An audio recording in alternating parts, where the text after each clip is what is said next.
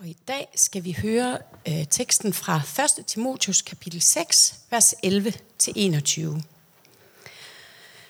Men du, Guds menneske, skal holde dig fra alt dette og stræbe efter retfærdighed, Guds frygt, tro, kærlighed, udholdenhed og sagtmodighed.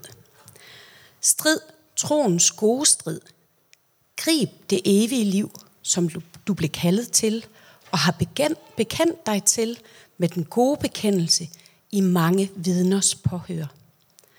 For Guds ansigt, for ham, som giver alle ting liv, og for Kristus Jesus, som aflagde den gode bekendelse under Pontius Pilatus, byder jeg dig. Hold budet, uplettet og uangribelig, indtil vor Herre Jesu Kristi til synekomst, som den salige og eneste hersker. Kongernes konge og herrenes herre skal lade os se, når tiden er inde. Han, den eneste, som har udødelighed og bor i et utilgængeligt lys, og som intet menneske har set eller kan se. Ham være ære og evig magt. Amen. Dem, der er rige i den nuværende verden, skal du byde, at de ikke må være overmodige og ikke skal sætte deres håb til usikker rigdom, men til Gud, som rigeligt skænker os alt, hvad vi behøver. Du skal byde dem at gøre godt og være rige på gode gerninger, at være gavmilde og dele med andre, og samle sig en skat som en god grundvold for den kommende tid, så de kan gribe det virkelige liv. Timotius, tag vare på det, der er betroet dig, og vend dig bort fra den ugudelige tomme snak og indvendingerne fra den kundskab, der med urette kaldes sådan. Ved at bekende sig til den, er nogen kommet bort fra troen. Nåden vær med jer.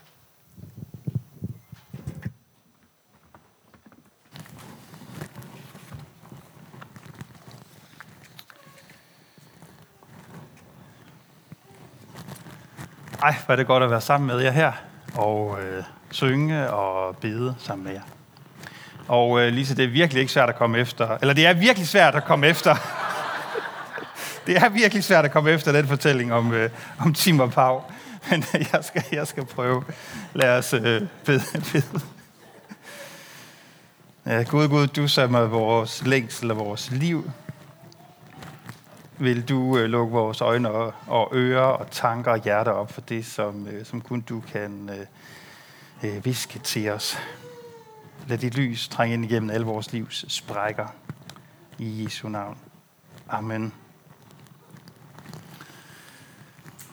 I er jo i gang med en øh, rigtig, rigtig spændende prædikeserie her i huset om øh, forskellige mennesker, der på forskellige måder bliver kaldet af Gud og øh, får deres liv forvandlet og forandret.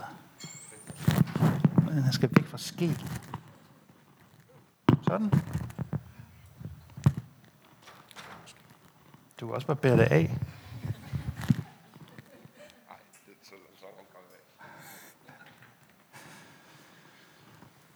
Og I spørger blandt andet, hvordan lyder det, når øh, Gud kalder? Hvad gør det ved et menneske, og hvad gør det egentlig ved et, øh, et liv?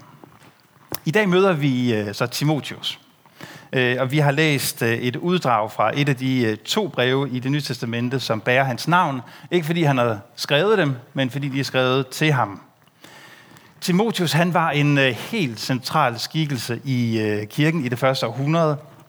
Han blev en af Paulus' øh, Paulus den store, største kristne og første missionær. Han blev en af Paulus' nærmeste og mest betroede medarbejdere. Han er medforfatter til flere af de breve, som Paulus han skriver, som vi har i det nye testamente. Timotius han var blevet øh, grebet, kaldet, draget ind i visionen om at øh, være med til at plante kristne menigheder i hele verden. Han var med Paulus på adskillige eventyr. Han har siddet i fængsel sammen med Paulus, og de har garanteret også holdt en masse gode øh, fester og bedemøder sammen. Timotius var også ham, der fik det gode råd af Paulus, at han skulle holde op med at drikke alt det vand og begynde at drikke noget vin. for sin mave i stedet for. Det er et sted, som mange af os har understreget i vores Bibel. Og øh, for den del af kristenheden, som opererer med helgener, så øh, blev Timotius så den helgen, der påkaldes, hvis man har maveproblemer. Så ved I det. Den oldkirkelige øh, tradition siger jo, at øh, Timotius øh, døde som martyr i øh, slutningen af 90'erne på et tidspunkt. Øh, de første 90'ere, ikke de legendariske 1990'ere. Øhm, og øhm, nu har vi set et billede af Timur Pau. Rembrandt, den store maler, han malede også et billede af Timotius øh, sammen med hans mormor. Og det kan være, at vi kan se det her. Ja, det var, hun ligner en utrolig festlig øh, mor, Mor, mor. og, han ligner, og han ligner en utrolig fe, øh, from dreng. Og de er på rigtig børnebørns hygge der. Øh, nej, i centrum så har Rembrandt jo øh, bogen, de hellige skrifter, som vi ved, at Timotius var blevet oplært i, fra han var, øh, fra han var helt lille. Øh, og det har helt sikkert ikke set sådan der ud. Men det var så Rembrandts måde at øh, fortælle det på, at Timotius' øh, åndelige oplæring fik han af kvinder. Hans mor, Eunike, og hans mormor, Louise. Vi får en fornemmelse af, at Timotius ikke har haft sådan en åndelig faderfigur, før øh, han blev en øh, lidt ældre øh, voksen mand. Og det bliver Paulus for ham. Paulus bliver en meget tydelig faderfigur for Timotius, og Paulus begynder sit brev med at skrive til ham, mit ægte barn i troen. Og nu ved vi alle sammen, at vi kan komme helt utrolig galt afsted, hvis man bare antydningsvist kommer til at opstille kønsstereotyper. Så det vil vi undgå. Men jeg tror simpelthen ikke, vi forstår Timotius' kaldelseshistorie uden at være opmærksom på, at de to breve, som bærer hans navn, at vi der hører en stemme, som er forbundet med det, man traditionelt har forbundet med, så er jeg ligesom helt godt der, øh, maskuline værdier. Det er som om, at brevene, vi læser, det er en øh, offentlig far-søn-samtale. Og Paulus han omtaler godt nok en, sådan en særlig kaldelsesbegivenhed, som Timotius har haft. Der var profetier, der var håndsforlæggelse, der var lovsang, og der var det hele. Men det er faktisk ikke den begivenhed i Timotius' liv, som Paulus han er særlig optaget af her. Paulus han er derimod optaget af, hvordan Timotius han forvalter det ansvar, det er at være kaldet. Og nu har jeg som forberedelse til det her øh, læst øh, de to Timotius breve nogle gange, og øh, det er slående, hvordan der bliver talt i de her to breve, og hvad det er, der bliver kaldt på. For der bliver kaldt på Timotius' øh, vilje. Og der bliver talt om forpligtelse. Og der bliver talt i bydeform. På en måde, som kan være fremmed for os i dag. Så øh, jeg prøver lige at læse, læse op nogle steder. Øh, bare sådan lige et hurtigt raid igennem de to Timotius breve. Der skriver Paulus sådan her. Forsøm ikke den nådegave. Strid den gode strid. Giv agt på dig selv. Hold fast. For Guds ansigt byder jeg dig. Du skal stræbe efter retfærdighed, Guds frygt, tro, kærlighed, udholdenhed. Timotius, tag vare på det, der er betroet dig. Lad din nådegave flamme op. Skam dig ikke. Vær med til at lide ondt. Den skønne skat, der er betroet dig, skal du tage vare på. Vær stærk ved nåden i Jesus Kristus. Vær med til at lide ondt. Hold ud. For fuldt bliver alle. Bliv ved det, du har lært og er blevet overbevist om. Jeg indskærper dig for Guds ansigt. Nu trækker han det kort igen. Vær tålmodig. Hold hovedet koldt. Bær dine lidelser. Gør din gerning. Strid den gode strid. Fuldfør din tjeneste. Og så videre. Det er den slags tale, der er i de to Timotius' breve. Det er i bydeform. Næsten hele brevet. Så prøv lige at smage på de her ord. Hold fast. Hold ud. Hold hovedet koldt. Gør din pligt. Bær dine lidelser. Fortsæt soldat. Fuldfør. Det er noget øh, på samme tid sådan meget, meget forfriskende. og også noget meget modkulturelt, næsten fornærmende, vi øh, læser her. Personligt så har jeg aldrig forstået, hvorfor Paulus, han, øh, at nogle mennesker bliver beskyldt for at være kontroversiel i sit øh, kvindesyn. Han er den antikke forfatter, jeg har læst, der taler mest ligeværdigt om mænd og kvinder. Og i en øh, tid, hvor der er fokus på ligestilling mellem kønnene og på lige ret for loven, uanset hvilken hudfarve du har, så passer Paulus utrolig godt ind. Men jeg kan godt forstå, hvis man synes, at det, han siger her, er kontroversielt. For i en tid, hvor identitetspolitik og offerkultur bliver dyrket utrolig mange steder i vores fælles liv, så hører vi ikke den her stemme ret meget i vores samfund. Historikeren Henrik Jensen han skrev for nogle år siden en debatbog, der hed Det faderløse samfund. Og her taler han om, hvordan vi lever i et samfund, hvor rettigheder har erstattet pligt, offerkultur har erstattet offervilje, individuel livsudfoldelse og feel good har erstattet det fælles anlæggende, vi har. Og så læser vi nu Paulus brev til Timotius, som siger, hvis du synes, det er hårdt, Timotius, så siger han ikke, så er det godt nok synd for dig, og så skynd dig hjem til din bedstemor igen. Når han siger, øh, ja, sådan er det. Sådan er det at være menneske. Så fortsæt soldat. Fuldfør. Bliv ved. Det har du pligt til. Det minder mig næsten om et øh, digt af Søren Ulrik Thomsen, som skriver, øh, en gang om dagen er ensomheden så stor, at man ikke kan stille noget op med den. Og en gang om dagen er lykken. Indimellem må man så se at få ordnet sine ting. At være kaldet af Gud er at leve med en dyb forpligtelse til at få ordnet sine ting. Og vi er alle sammen kaldet. Det samme kald, som lød helt tilbage fra Adam og Eva til dem, da de fik betroet en verden, sagde Gud, her er verden, tag vare på den, pas på den, få den til at blomstre, gør noget smukt ved den. Brug din kreativitet, din opfindsomhed, din skabertrang på den her verden. Tag vare på den. Det samme kald lyder til os, at lytte til Timotius, lyder til mennesker gennem alle tider. Ingen af os herinde kan sige, når jeg er vist ikke en af dem, der er særlig kaldet. Jeg har ikke set nogen brændende tornebuske, eller hørt nogen mærkelige øh, stemmer i øh, skyerne.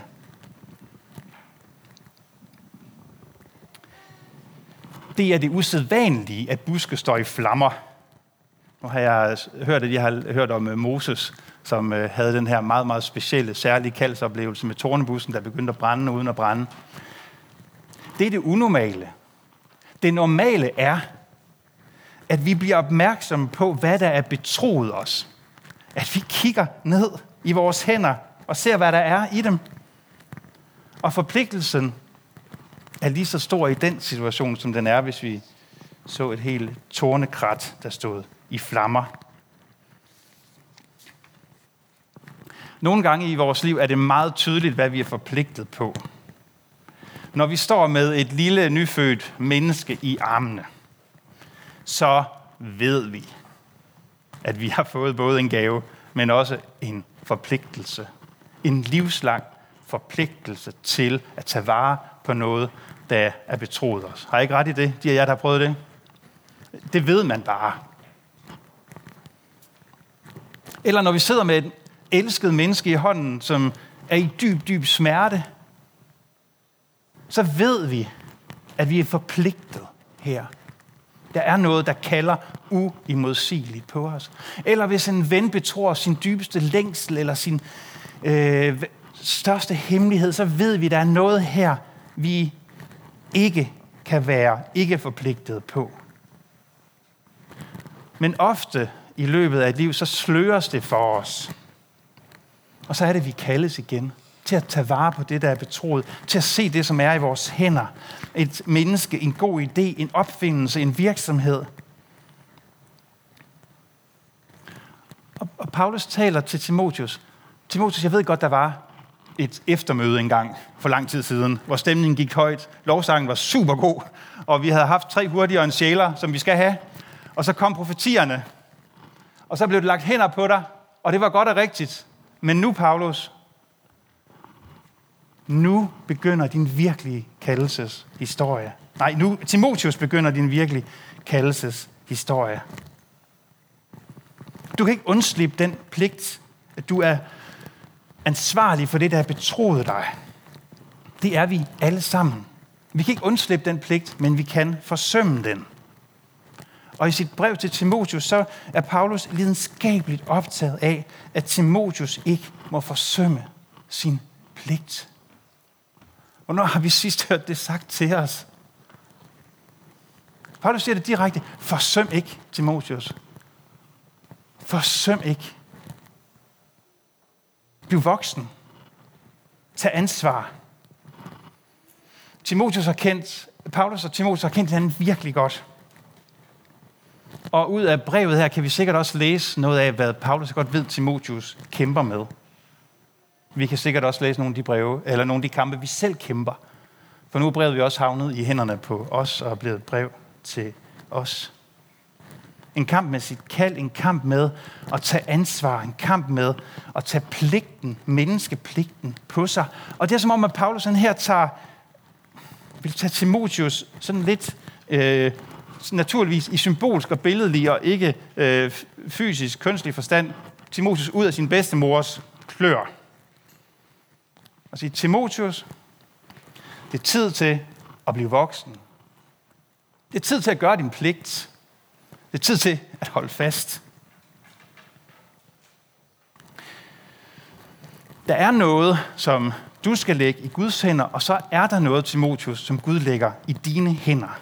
Jeg vil gerne, at du skal kende forskellen.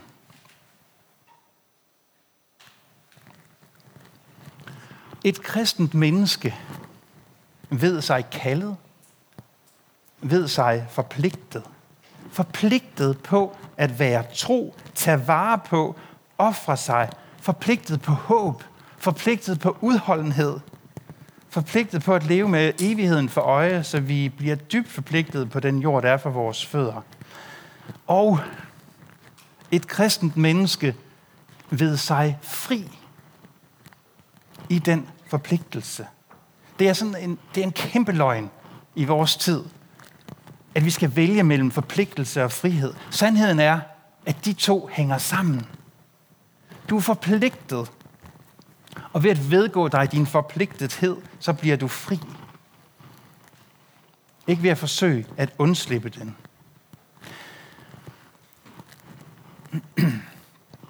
Et eksempel, som har hjulpet mig i at bakse med det her. Øh, der var engang en, der fortalte mig, at øh, vikingerne, øh, de var kendt for, at når de kom til en fremmed strand, de skulle øh, erobre, og var kommet i land med bådene, så satte de ild til alle bådene.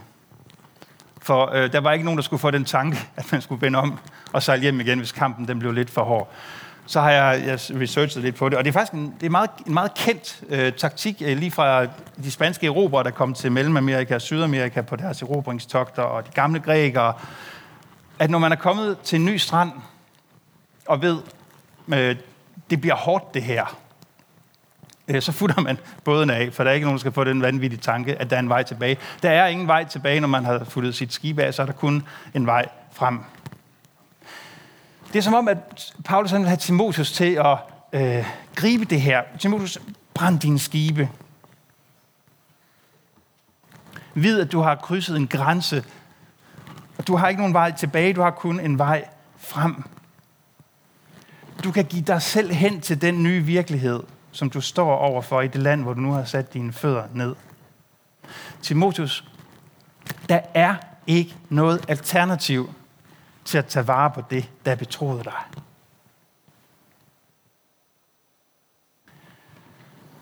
Og i den her bevægelse bliver vi fri, fordi vi kaldes ægte børn.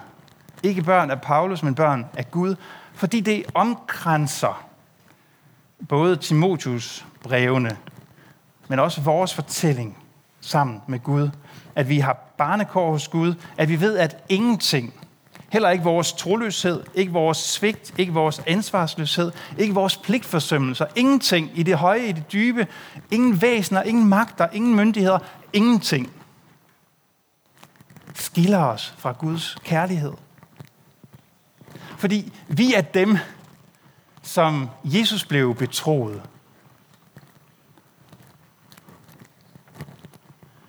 Jesus aflagde den gode bekendelse over for Pontius Pilatus, skriver Timotheus i det stykke, som Birgitte hun læste op for os. Jesus aflagde den gode bekendelse over for Pontius Pilatus. Han aflagde den bekendelse, at ja, jeg er kommet for at frelse menneskeheden og stå ved dem og tage vare på dem og føre dem fra dødens og syndens og nødens verden over i livets og lysets og evighedens verden. Vi er dem, som Jesus ved sin død og opstandelse har sat fri fra død og dom. Han var forpligtet af kærlighedens kald, og han forsømmer os ikke, og han fordømmer os ikke. Så derfor skriver Paulus til Timotheus, du skal være stærk i nåden.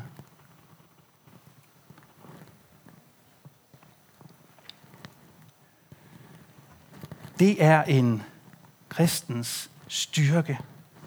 Det vil sige, en kristen er sådan set ikke...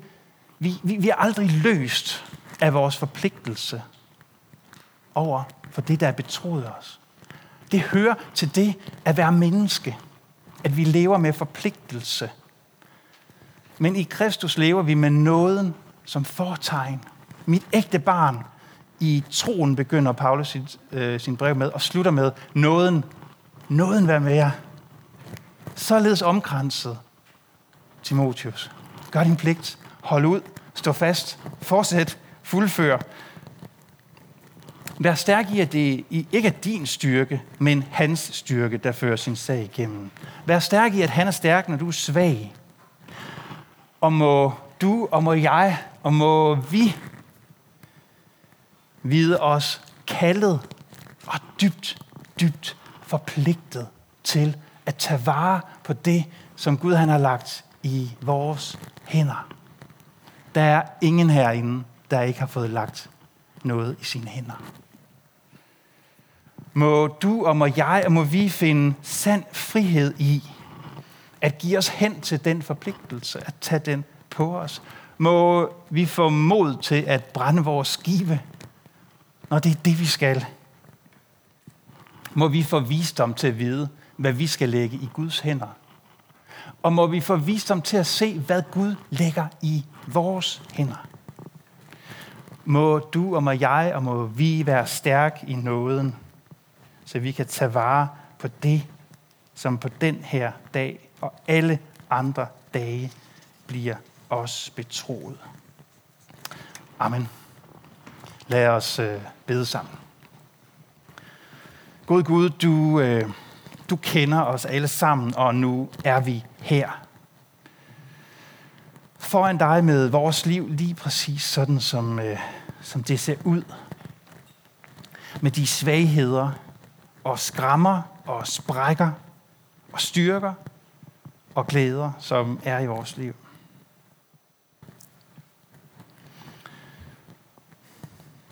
Gud, vil du lade det synke ind i os, at du forpligtede dig på os, for du var forpligtet af kærlighed, og må, må vi videre os dybt forpligtet på den verden, som du har sat os til at tage vare på.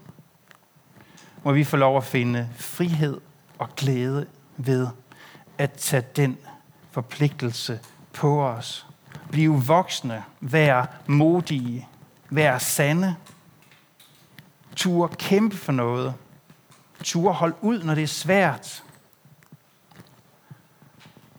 Og må vi også vide, at du er den, der læger og trøster, omfavner, griber os, når vi falder, når vi ikke kan mere, og at din nåde, den er det første og det sidste, der øh, skal siges til os.